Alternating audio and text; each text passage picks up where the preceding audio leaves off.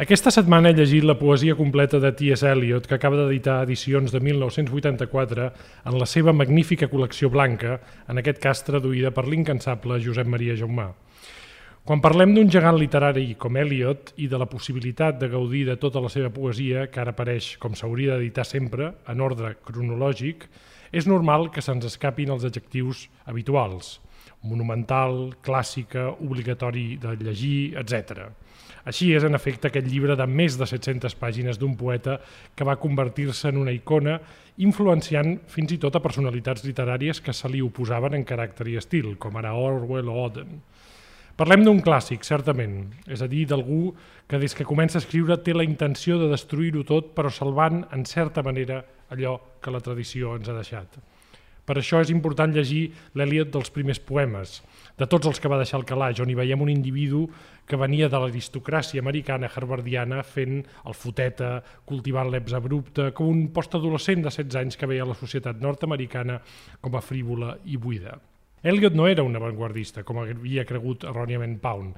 Era un paio tremendament cultivat, que fins i tot sabia sànscrit, però que va tenir la gràcia d'entendre que la poesia del seu temps li calia un gir que trenqués amb el segle XIX i, per tant, un llenguatge que l'aproximés a situacions i experiències terribles com les del segle XX. Caminant per aquesta poesia arribem al tòtem de la terra erma, que per a Bartra era xorca i per a Ferreter gastada. Per molt que haguem llegit mil vegades aquest llibre que comença amb allò d'abril, és el més cruel dels mesos, cal tornar-hi de nou, perquè cada fonema és una petita obra mestra. Com també val la pena seguir el camí que va de la Terra Erma, o Aixorca, com vulgueu, als quatre quartets, un impressionant mosaic on Eliot aboca la gent moribunda i sense vida i assaja una sortida existencial a l'infern. Aquesta sortida és l'enigma que encara avui ens presenta aquest extraordinari escriptor, que es situa sovint en els manaments budistes, dona, controla i compadesta, i també en una forma bastant particular de trobar la unitat dels contraris segons el cristianisme i la filosofia grega. Diguem-ho sense embuts, qui busqui textos fàcils i una poesia assequible que no s'enfronti a aquests dos llibres, unes obres mestres que fan suar el lector i que només podia traduir un picapedrer de la llengua com la persona que m'acompanya, Josep Maria Jaumà, traductor de Shakespeare, Hardy, Yeats, Larkin i ara Eliot, a qui en aquesta illa ens agradaria fer un monument o anomenar-lo Sir Jaumà. Perquè aquesta obra magna, que s'ha editat com cal en bilingüe, no només és la poesia completa d'Eliot, sinó la veu i la suor d'en Jaumà feta llibre. Aquesta setmana he rellegit i llegit la poesia de Ties Eliot, però no ho he fet sol.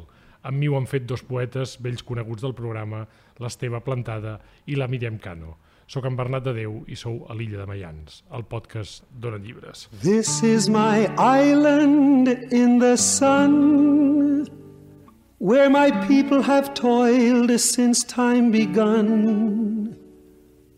I may sail on many a sea. Her shores will always be home to me O island in the sun, built to me by my father's hand, all my days I will sing in praise of your forest waters, your shining sun.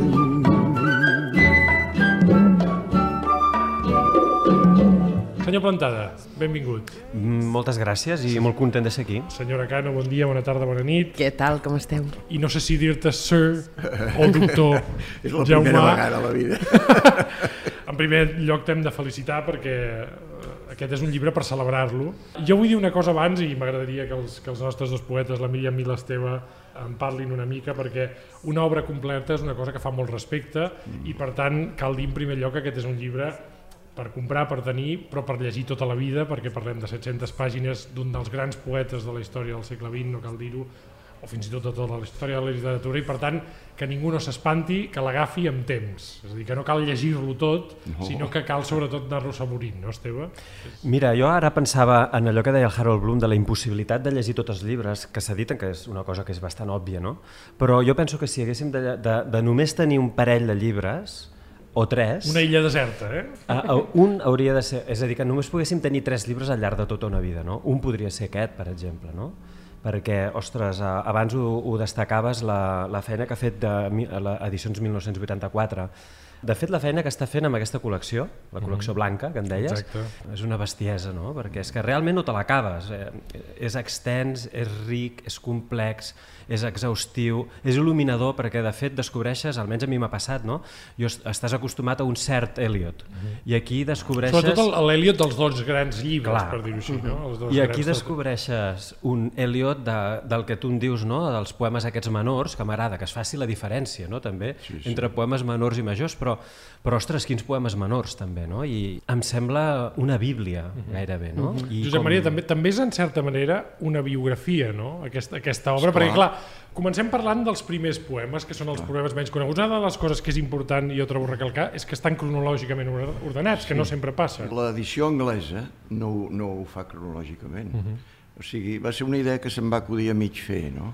De que l'edició anglesa ho dividia entre els poemes, eh, els llibres publicats, mig llibre primer, i la segona part del llibre eren els poemes no publicats. Sí, sí. Ho vaig anar fent així, fins que vaig pensar, esclar, aquest poema que està a la pàgina 30 i aquest altre que està a la pàgina 130, a la millor van ser escrits el mateix dia o la mateixa setmana, Clar. perquè són paral·lels. I era una, me semblava una mica absurd, és a dir, desorientava el lector, no? De dir, com és que ara surt el tema aquest que sortia allà? Uh -huh. I llavors vaig refer que suposo que els de Faber and Faber no, no tindran cap inconvenient. Però, bueno, I no, si el tenen, i si el tenen i si ja està és fet. tard. ja ens avisaran. Ja és massa tard, sí. Perquè jo, sí, em sembla que ho heu dit molt bé, no? Aquí es veu com aprèn ell mateix, no? Com va desenvolupant la seva intenció, que la seva intenció és presentar, per una banda, el món en un llenguatge propi i no el llenguatge sentimental, idealitzant de la poesia del segle XIX, i per altra banda, uns temes que tampoc tractava aquella poesia. És a dir, uns temes... Ell s'agafa qualsevol tema. Passejar per un barri uh -huh. extrem, no? un bar de, de nit... No? bueno, qualsevol tema és igual. La qüestió és encarar-s'hi. És No? l'enfoc i el canvi de llenguatge, Sí, Míriam, no? sí. Una de les, de les coses que descobreixes llegint aquests Sí, primers sí. poemes, clar, nosaltres tenim la versió de l'Eliot, allò que deia el, el Valverde, no? d'un metafísic, d'una persona més Pues, aviat hermètica, sí. al contrari, justament contrari. sabem que era un paio bastant foteta, que era un conversador molt, molt alegre, Molt, molt. i a més a més en aquests poemes inicials, que són aquells poemes que, que vosaltres els poetes teniu guardats en teoria al calaix, perquè no els miri ningú, veus un, un cert esperit punky, o sigui, és un, és un, és un Sí. tio foteta, Sí, sí, és un sí. tio... Tu tens la imatge de, del senyor de Harvard, del senyor No. d'Oxford, i aquí hi ha un, un primer Eliot molt curiós, no? Sí, jo voldria destacar eh, dues coses abans d'entrar pròpiament en aquest tema, que no s'ha dit i per mi és molt important, és que no només tenim la poesia completa d'Eliot endreçada eh, cronològicament, sinó que tenim tot un aparell crític en aquest llibre, no? 574 notes, totes les notes complementàries, no és senzillament una traducció de l'obra completa, sinó que a més a més hi ha tota una guia eh, que, que He jo crec ser- que He de ser honest per això, eh? Bona part d'això ja ho he tret de l'edició anglesa, eh? que també ho porta. El que passa és que l'edició anglesa porta infinitat de assaig i explicacions. Jo he triat només els que em semblaven útils per al lector d'aquí. El, el que és interessant per això és que aquest camí ja prefigura la, la imatge d'un poeta que, vol, que vol trencar amb el passat. És a dir, la, la, això aquesta, segur, idea, aquesta segur. idea és, jo diria que és la idea fonamental. Eh? Fonamental. Hi ha, hi ha una consciència Sí, de que el llenguatge romàntic i sobretot les situacions poètiques romàntiques oi, ja no funcionen. I jo diria que, a més a més, quan, eh, quan parlem de que, de que T.S. Eliot és eh, el primer poeta modern o un dels primers poetes moderns, uh -huh. a mi em sembla que naturalment és per una qüestió de forma, de trencament de, de la llengua, però jo diria que passa una cosa molt curiosa amb Eliot i que a mi em té absolutament fascinada, que és que La Terra Xorca, no? que és un dels primers grans llibres i que d'alguna manera el que ell explicarà... Erma, eh, no és Xorca. La, la Terra Erma, terra gastada. És igual. Ah, la Rosa Laveroni també hi va dir. Sí, La Terra Erma. Però en teoria avui hem de dir... Avui hem Erma. de dir Erma. A mi m'agrada més Erma que, que Xorca, eh, dir. És més amable, potser. Però Això, sí, això, és un Xorca adjectiu és, molt... és molt però és sec i bonic, molt, però és molt molt, bonic. és bonic. Ell eh, eh, arriba a fer això i a mi em sembla fascinant d'Eliot que ell a, a la Terra Erma fa una cosa, és, és a dir, la postmodernitat com a pensament, com a els tres grans eixos, no? el, la caiguda dels, de, de les, dels grans relats, ell ho escriu tot això just després de la Primera Guerra Mundial, és a dir, que el desencant que després teoritzaran filosòficament Jameson, Batimo i companyia eh, als voltants dels 70, ja hi és tot aquí.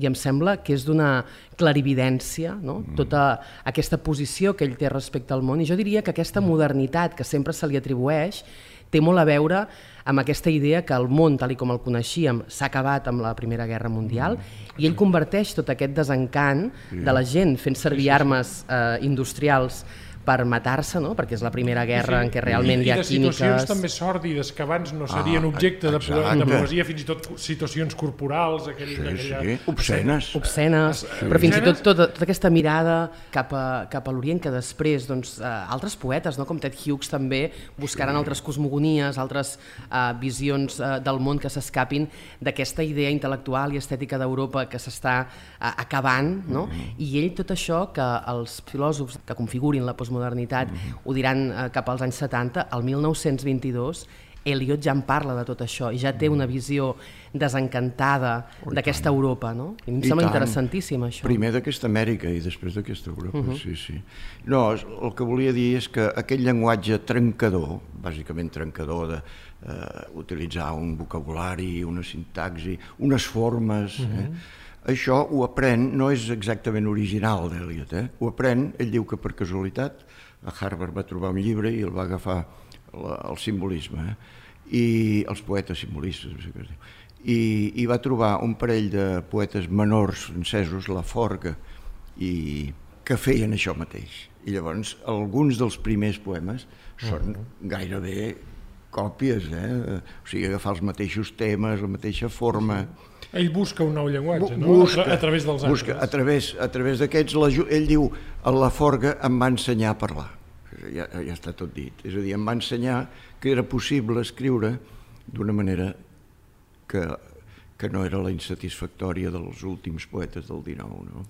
Clar, hi ha, hi ha una manera, jo crec que hi ha algun exemple, ja que tenim aquí el traductor i que tenim una edició bilingüe, val la pena posar algun exemple d'això, perquè la poesia de Tessa Eliot, i després m'ho certificareu companys, perquè vosaltres en llegiu molt més de poesia que jo, és molt oral també, és a dir, és una poesia on, on hi entren converses, on hi entren veus, i a mi m'ha fet molta gràcia el segon poema de la, de la Terra Erma, hi ha un moment molt, molt interessant, que a més a més tu tradueixes d'una manera molt, molt curiosa, Josep Maria, un, un, una de les veus va dient, hi ha, hi ha una frase que es van repetint en aquest segon poema tan bonic, que és Hurry up, please, it's late, mhm. -huh. vagin acabant, ah. uh, sisplau, és l'hora, i després de dir-la dues vegades hi ha uns versos que venen d'una conversa que són molt interessants, que són Good night, Bill, good night, Lou, good night, May, good night, ta-ta, good night, good night. Aquest ta-ta és com dir ah, eh, bona nit, adéu, adéu, adéu, adéu. Sí. I tu, eh, Josep Maria, ho tradueixes com, no com bona nit, sinó com bona nit. Sí. A merra, bona nit, sí.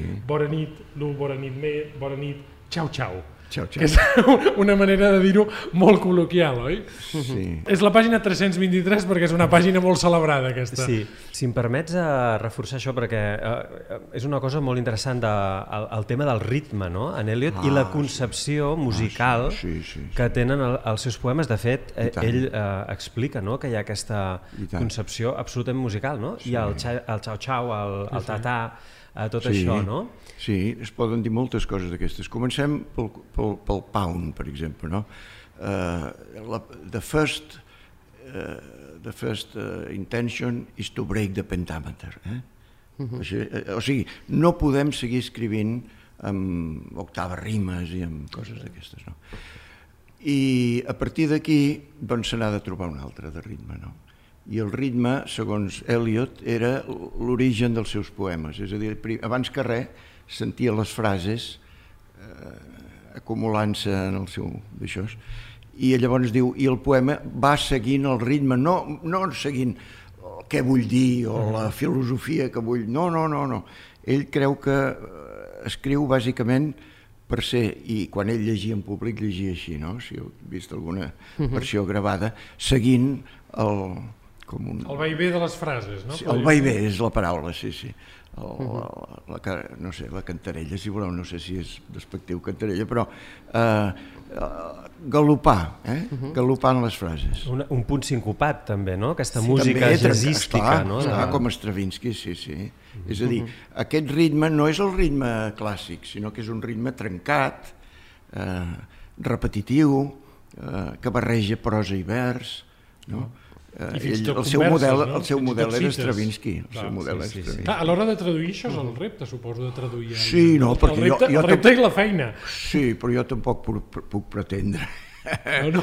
imitar-ho. Faig el que puc. Eh? Eh, La, meva, la meva orientació, amb aquest llibre i amb tots, ha sigut fer-ho amb un llenguatge, primer, el més planer possible, que això també l'Eliot hi estava d'acord, encara que a vegades no li surt, eh, li surt molt complicat i s'ha d'explicar, però ell volia que fos el més directe, ara també rocky, dur, dur eh? no tou, no d'adjectius bellíssim i res d'aquestes coses, res. Uh, un, un llenguatge que fos dur, directe i planer. Uh, si ho aconsegueix o no, no ho sé, i si ho aconsegueixo jo encara menys. No Ja- tinc ja idea. ja jo Però que jo, eh, modestament, perquè la feina de traductor és una feina quasi de manobra, no? de, de copiar un quadre, no, no de, no de pintar-lo. Doncs sempre ho he intentat això, no? de fer un llenguatge el més planer i també el més rítmic possible.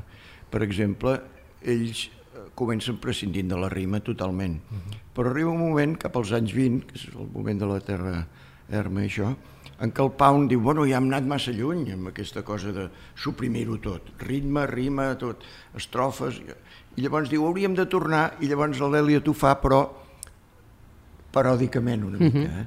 O sigui, aquí trobarem molts quartets, molts, i rimats i tal, però gairebé sempre, bueno, sempre em sembla, són falses còpies, no? Eh, Falses imitacions de l'antic. Per donar-li un to irònic, En eh? qualsevol cas, certifica això que dius el coneixement brutal que ell tenia del passat, fins i tot de la, no només de la literatura del seu temps, sinó del passat. Sí, home, Harvard va llegir sobretot els clàssics, no? els grecs, i el Dante és el seu, eh? i Baudelaire, i tot, evidentment, sí, sí. No, no, que era un home molt instruït. L'Eliot és un gran poeta, però també és un gran crític, eh? No sé si ho... Sí. També és un gran crític, Un gran lector, podríem dir, eh? també un gran Sí, lector. sí. Ell deia, no, sóc molt pobre, a les meves lectures sempre, sempre feia aquest paper de, de no, no, no, no. Fugia una mica de, de convertir-se en un, en un ídol. I, eh? hi, ha, hi ha per això també, eh, Esteve, mirem un, un enigma dins d'Eliot, perquè sí que és cert que hi ha una primera part eh, on Eliot busca un nou llenguatge, busca una nova manera de dir eh, les coses, jo diria que busca un nou focus, abans parlàvem de, de situacions sòrdides, de situacions que abans no havien estat objecte de la poesia, però jo diria que a partir dels quatre quartets, i això és molt interessant, també és un intel·lectual, per dir-ho així, que busca sortides. És a dir, Sí. ell veu que el món de la guerra és un món vaja, obsè, destructor, Sí, però a partir d'aquí, i aquí és on, on, on l'Eliot ens ha deixat més preguntes, hi ha uh, fins i tot un Eliot budista, perquè ell va, arriba a parlar dels Vedes, Sí. un Eliot catòlic, perquè ell no deixa de ser, no, no és un creient practicant, però és una persona que, pel, pel qual la transcendència és molt important, Sí i aquí és és on arriba l'Eliot, podríem dir més metafísic, Sí. que segurament és l'Eliot que ha quedat més, no? que són aquests poemes que dius, ui, nois, són difícils, no? Sí, sí, el, els quatre quartets és la maduració. Després dels quatre quartets ja no escriu poesia, eh? ja no escriu poesia, fora de les poques últimes que hi ha el llibre, la seva segona dona, llavors uns poemes privats, però vull dir, ja no. Poeta públic ja deixa de ser-ho. Escriu aquests versos per als amics, sobretot per les criatures. Sí, per les fer-los criatures, riure. no? Que justament però, però juga això molt ja no amb- pretén que sigui poesia, això simplement per passar... Per passar... El... Sí, igual que escriu cartes a dojo, eh, s'escriu... S'han publicat ja nou volums de mil pàgines cada un de cartes. Senyor, i estan per la meitat, i van per la meitat. Sí. I és horrorós. Tu que, tu que t'hi has barallat molt, eh, Josep Maria, perquè clar, són textos no només... Després tornem amb això del Sí, sí, budisme. tornem-hi, tornem-hi, perquè sí, jo no. Digues, digues, et, et digues. volia citar un, un dels poemes que a mi em de, dintre els, els quatre quartets, hi ha un moment on, on no només busca sortides exteriors al moment que ell està vivint, sinó també busca aquesta idea del punt mig interior, Ah, aquesta idea de, exacte. de l'ordre còsmic. Hi ha a mi un fragment que cada llegeixo em, em deixa destrossat a la pàgina 525, on, per dir-ho així, està trobant aquest punt d'equilibri que busca per la seva existència. Diu, el punt immòbil del món que gira, ni carnal ni descarnat, ni des d'on ni cap a on. En el punt immòbil, allí hi ha la dansa, però ni aturada ni movent-se. I no en digueu fixesa, allí on passat i futur es reuneixen, ni moviment des de, ni cap a, ni ascensió, ni descens. Si no fos pel punt, pel punt immòbil, no hi hauria dansa. I només hi ha dansa. D'acord. Sí. Això és la... Això és, perdoneu, eh? Perdoneu, és la rehòstia, eh? No, però, però fixa't, molt- això és... és molt bo, eh, És, realment. és Aristòtil, eh? O sigui, els, a la circunferència no existiria si no hi hagués el centre. I el centre és el que origen l'origen de la circunferència i, i la dansa s'origina en un lloc immòbil. Fixa't, acaba, acaba així, diu, només puc dir que hem estat allí, és a dir, Ah, que, sí, que sí. tenim la capacitat de conèixer aquest centre, però no sé dir on. És allò aba- abans que dèiem una mica de que, que, que, que realment molt, molt postmodern, no molt modern, perquè di- diu, nosaltres sabem on està el centre, el que passa és que quan l'hem d'anomenar, aquí, és on, aquí és on ho tenim fotut, per Ell- això fem poesia, Ell, no? Ell, des de la Terra Erma fins aquí passen gairebé 20 anys. Doncs diu que passen 20 anys perquè no troba aquest llenguatge. Eh? És a dir, que és un tema parlar aquest centre o parlar d'aquest punt immòbil o parlar d'aquesta reconciliació de contraris que s'escapa al llenguatge. I el seu problema és dir en paraules allò que no es pot dir en paraules? Sí, Nosaltres perquè- estem en la circunferència, ens movem, en el temps, el sí, temps sí. es mou, és inevitable. Però hauríem, segons ell, de trobar aquest punt que fa que la circunferència tingui sentit. Uh -huh. Perquè si no, l'únic que fas és moviment. Eh? Em sembla que és a la mateixa pàgina, fes l'últim vers. Sols a través del temps és el temps conquerit. O sigui, no podem sortir de la circunferència i dir, mira, ara crearem imagine, eh? un món utòpic fora de, del real. No, no, no, no, es tracta d'estar en el real sempre, però tenint en compte que aquest real també hi ha una realitat no visible, que és el, el punt immòbil. No? Exacte, i jo penso que contrasta molt, no? perquè justament la, la Terra erma, i agafeu-m'ho amb totes les pinces del món i amb totes les cometes, no? hi ha un moment en què tens una sensació, no? amb tots aquests personatges que van sortint, aquesta realitat que observa, que és tan urbana no? que, en, en molts moments i que d'alguna manera amb la poesia que, que, que havíem llegit doncs, eh, és un, un contrast molt Quan, interessant. quan parla no? de la gent de, de la City, no? D'aquells no? oficinistes, Aquesta- d'aquell aquesta realment realitat. moribuns, no no? em creia que la mort n'hagués anorreat tants. Exacte, Esclar, no? És a dir, Ah. és, és Dante a l'infern, això. Eh? És a dir, el món de la City, on ell era un d'aquests, eh? perquè treballava en un banc de la City. Va estar-hi set anys treballant Sí, en un banc, van més, a- no? Set set, anys, set anys. i havia avorrit com un ostre, clar, Oh, perquè devia ser oh, una feina. va, va acabar malalt, va acabar malalt, sí.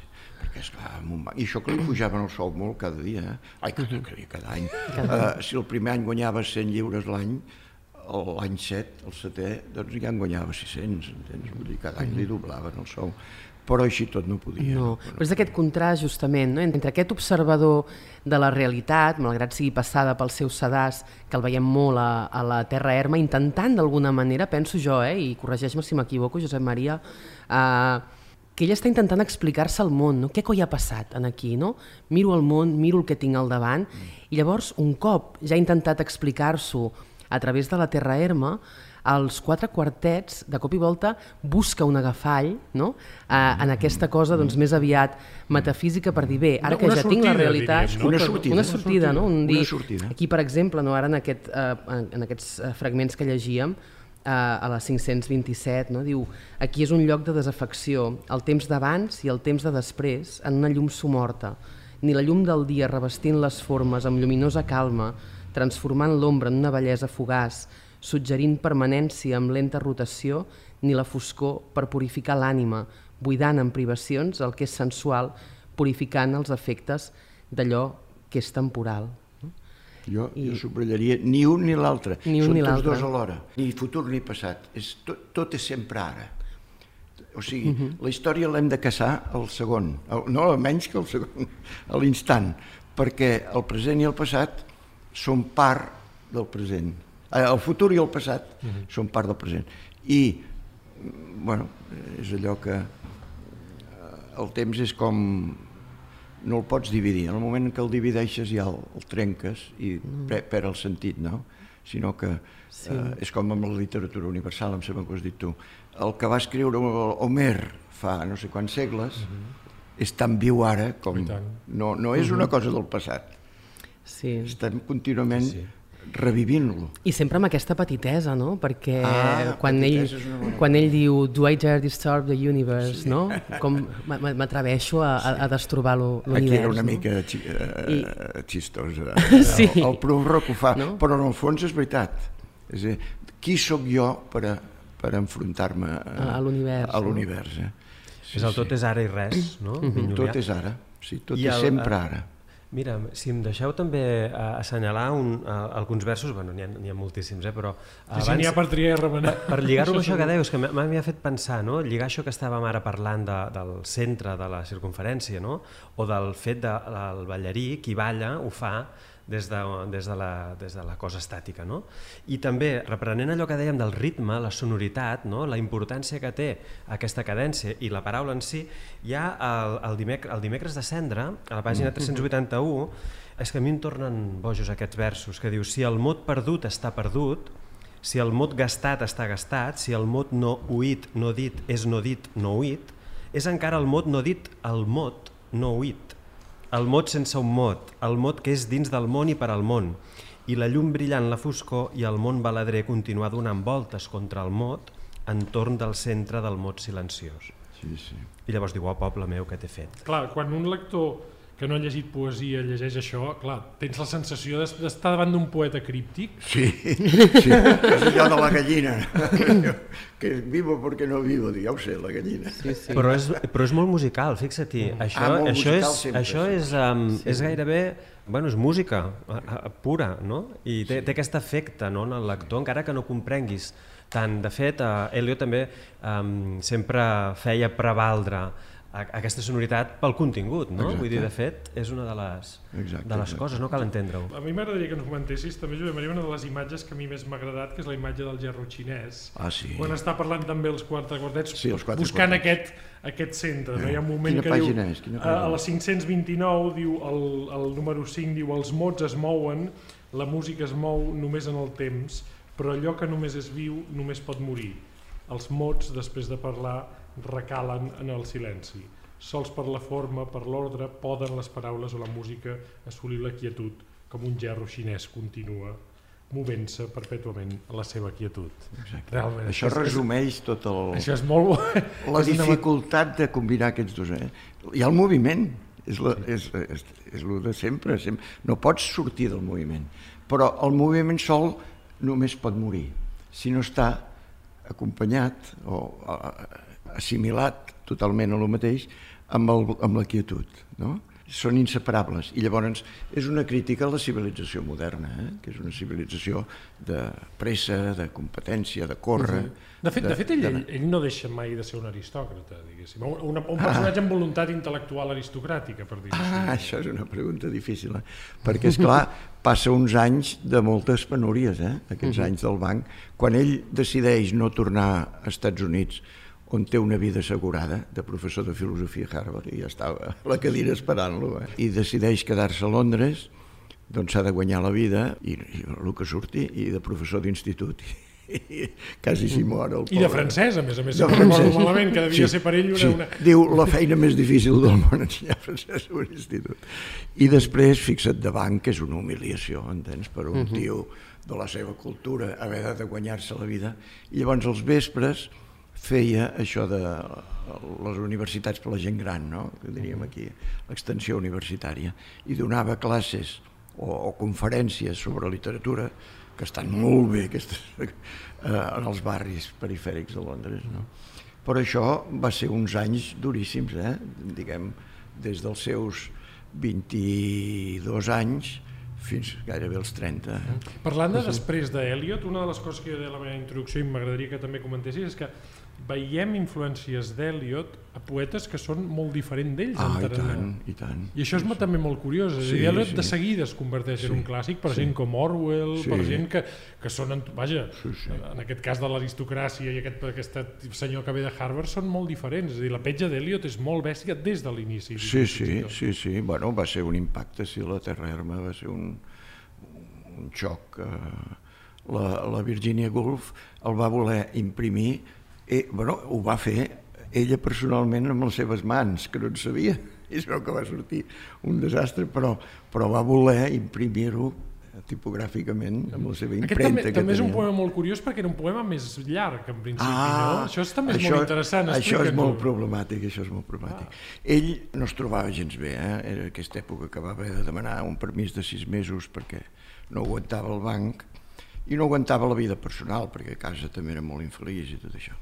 I es va fer molt amic de Pound. El Pound es va hipotecar ell, sense dir-li a l'altre, per publicar els primers llibres d'Eliot eh? i per publicar tots els poemes que anava escrivint l'Eliot, els anava enviant a, a Chicago i a revistes dels Estats Units. Uh -huh.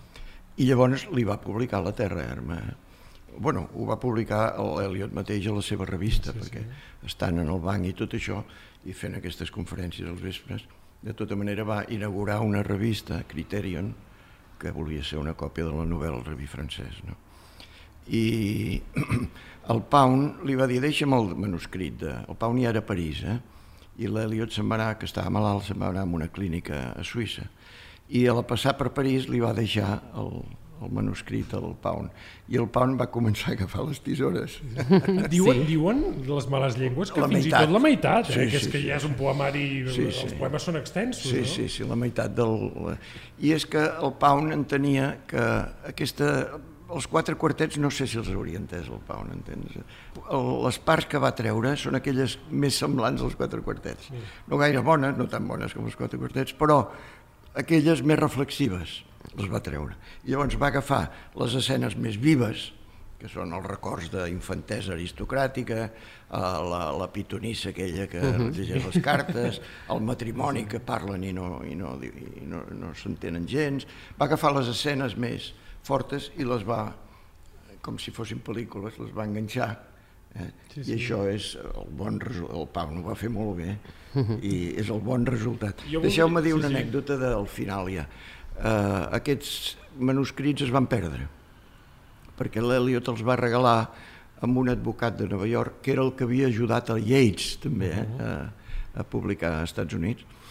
Els hi va regalar en agraïment perquè és el que va publicar La Terra Herma als Estats Units. I aquest senyor, esclar, es va morir sense descendència i allò ningú sabia on havia anat a parar, ningú sabia. I l'Eliot va dir a la seva segona dona abans de morir, si un dia apareixen, publica els meus fragments exclosos, perquè em farà molt mal crèdit, eh, molt descrèdit per a mi, però farà molt de crèdit al pobre Pound, que el pobre Pound estava desfet, vivia en un manicomi. Bueno. I quan la viuda aquesta, de l'Eliot, va anar, diu, vols que anem a la New York Library a veure els manuscrits? Diu, sí. I el va portar a veure'ls i el Pound va estar tota l'estona plorant oh. de aquesta amistat que havia... Clar, clar. I com s'havia ell atrevit a corregir el senyor Eliot. No, no està malament. No sí, no L'anècdota és bonica, no? Sí, però al final sí. aquestes anècdotes deriven en, mira, en obres literàries canviades. Ah, esclar, cas, no, no, eh? ho va encertar plenament, ah, perquè ah, si l'hagués publicat tal com era no hauria tingut l'impacte. Parlant d'anècdotes, ja que tenim aquí, ara els oients no ho veuen, però aquest és un llibre molt, molt voluminós, jo a mi m'agradaria saber, has estat tota la vida traduint No, poemes, tota la no? vida no. doncs, doncs, si no, doncs si no, quan has trigat? Perquè, ja, perquè explica'ns quin és el, quin és el, no, tres anys. quin és el secret. Tres anys, dedicació exclusiva, això sí.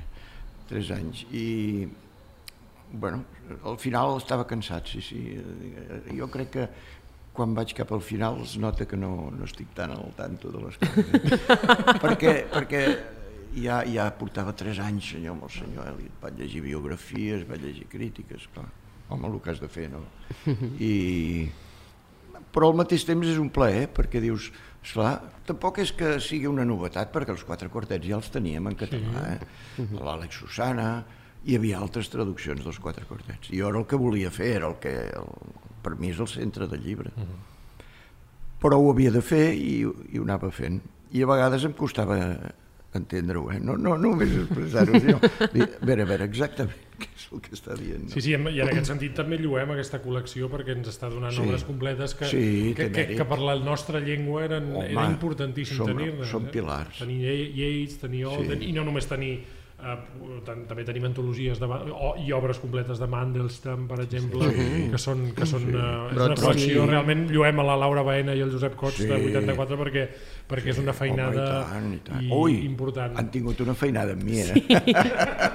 han tingut una feinada amb mi perquè, esclar, no, ara que parlàveu d'això de la feina de que deies de tota una vida, no? Com, com bé, com deia Eliot i tu citaves, diu, un poema és l'experiència d'un moment i de tota una vida. I de tota una vida. I no és només d'un moment. Exacte. És tota la... O sigui, bueno, tornem sempre als quatre quartets. Aquí hi ha tota l'experiència d'una vida. Jo, jo voldria, abans d'acabar, Josep Maria, que ens en llegissis algun tros dels quatre quartets o d'algun sí. altre fragment que ens que t'engresqui especialment i que el comentem, perquè ah. això de tenir el traductor i que a més a més és un professor de literatura, oh. doncs, doncs escolta... Era, era, ja no me'n recordo. Jo, jo crec que és un... Ja no me'n recordo. El, Mira, jo, a, a la mateixa pàgina que has dit abans, és casualitat de que sigui la mateixa pàgina, però a la 525 sí. hi ha una cosa que m'agradaria comentar perquè m'agrada molt. A la 525 només els tres primers versos, eh? si cas després ja anirem a un altre fragment. Aquí baix, a la vida nostra, el gos de caça i el senglar, perseguint com abans el seu designi. Quin és el designi del gos de caça i el senglar? Pues, mossegar-se l'un a l'altre i, i barallar-se, no? Però reconciliats entre els estels. És a dir, aquest gos de caça i aquest senglar, si mirem les constel·lacions, doncs també són... Viuen en harmonia, no? Bueno, viuen, viuen en harmonia. És a dir, l'os, la ossa eh? i el caçador doncs estan en, en harmonia. El, el gos i l'escorpí doncs estan tocant-se en el cel i no es barallen. Hem de viure els dos mons alhora, no? Uh -huh. Esclar que hi ha uns instints que no són, són inescapables, sí. però... I llavors a partir d'aquí m'agradaria citar, perquè a mi em sembla que té molt que veure amb això. Té un poemet de, un, de paisatges, hi ha unes... Sí, són petites postals, sí, no? N'hi ha alguna d'Escòcia... Molt alt d'Escòcia. Pues el d'Escòcia sí és una planura a les Highlands, a les Terres Altes, que es diu Glencoe. I allí hi va haver la gran matança, una, una carnisseria entre catòlics i protestants, no? a les finals del 17. Doncs el poeta hi va ara i l'únic que troba és un camí serpentejant indiferent. Hem d'entendre que les dues coses van juntes, és a dir, aquells que es mataven haurien d'haver entès que un dia allí hi hauria un camí que, no, que ningú se'n recorda, que va indiferent serpentejant pel mig de la planura, sí, com, sí. Si, com si mai hagués passat res. Hauríem de saber, eh, entens, tots els quatre quartets és la reconciliació de dues coses. Sí, sí, el saber mirar amunt i el saber mirar amunt. Uh, Allò que es baralla aquí sí. baix, allà amunt viu amb harmonia, Exacte. per sobre aquest camí indiferent o per sota encara hi ha les restes de sang sí, d'aquell... Sí, sí, sí. Jo suposo que per això, després d'escriure això, ja devia deixar d'escriure, perquè devia sí. dir ja ho he trobat, sí, ja ho tinc. Jo, bé, sí, el que va, va seguir escrivint però teatre, i ja és molt diferent, a mi el teatre no, no m'atreu tant, excepte l'assassinat a la catedral, aquest sí, però en aquest llibre, no sé si ho heu vist, hi ha els dos primers trossos que va escriure de teatre, que són fragmentals. No, un és fragmentari i l'altre és complet. El primer és el primer que diu mai havia escrit res tan original perquè és un teatre. és com una espècie de casa, un bordell i, i les converses entre les noies i els clients. No? Doncs, doncs aquesta és la lliçó de l'illa de Mayans d'avui, a través d'Eliot, mirar cap avall, que fa una mica de paura i de mandra, sí últimament, no, no, però de, de tant en tant també mirar, mirar cap a dalt. Esteve, Míriam, aquest, eh, diguem-ho clar, una altra vegada, que el que dèiem a l'inici, és un llibre per tenir a la lleixa i per anar-lo traient de tant en tant, és un llibre, de, diríem, de consulta, però això de consulta queda una no. mica... Però és un llibre per, de consulta vital, per dir-ho així, sí, no?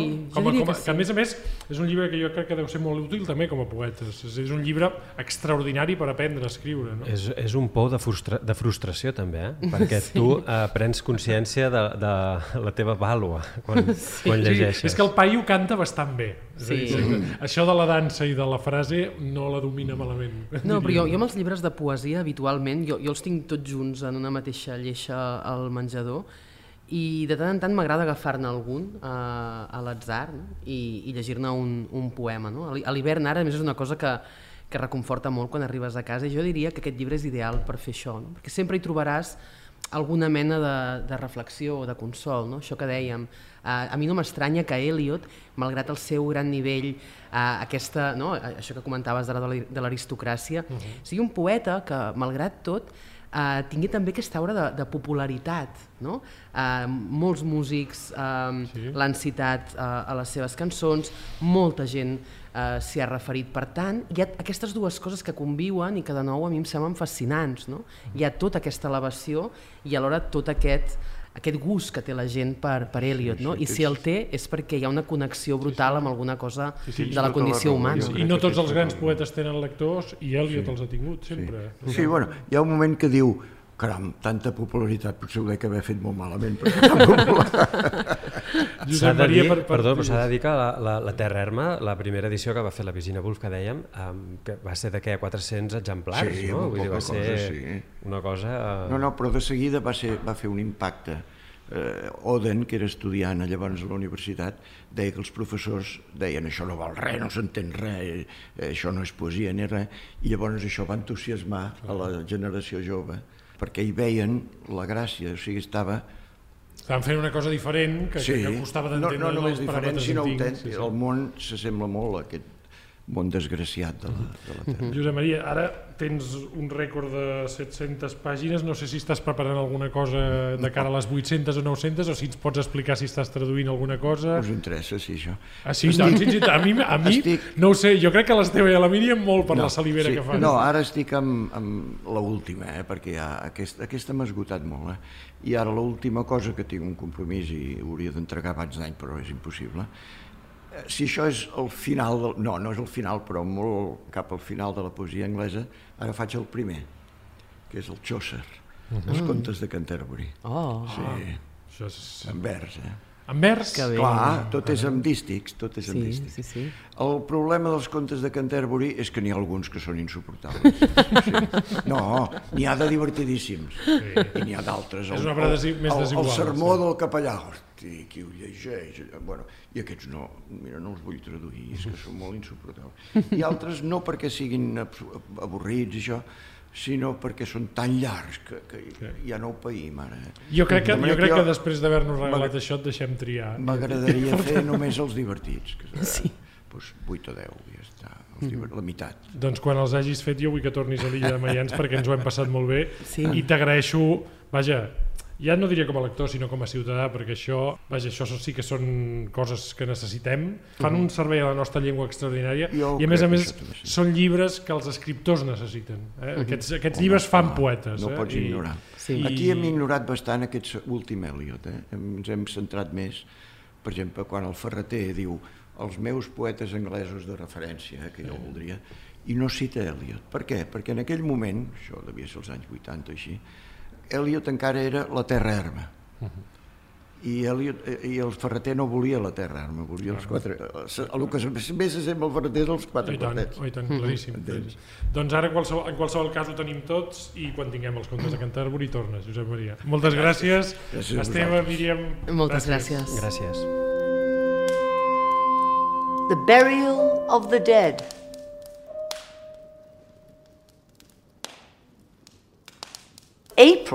Is the cruelest month. Breeding lilacs out of the dead land, mixing memory and desire, stirring dull roots with spring rain. Winter kept us warm, covering earth in forgetful snow, feeding a little life with dried tubers. Summer surprised us coming over the Starnbergersee with a shower of rain. We stopped in the colonnade and went on in sunlight into the Hofgarten and drank coffee and talked for an hour. Bin gar keine Russischstamm, außer Teuen, echt Deutsch. And when we were children, staying at the Archduke's, my cousin's, he took us out in a sleigh and I was frightened. He said, Marie! tight and down.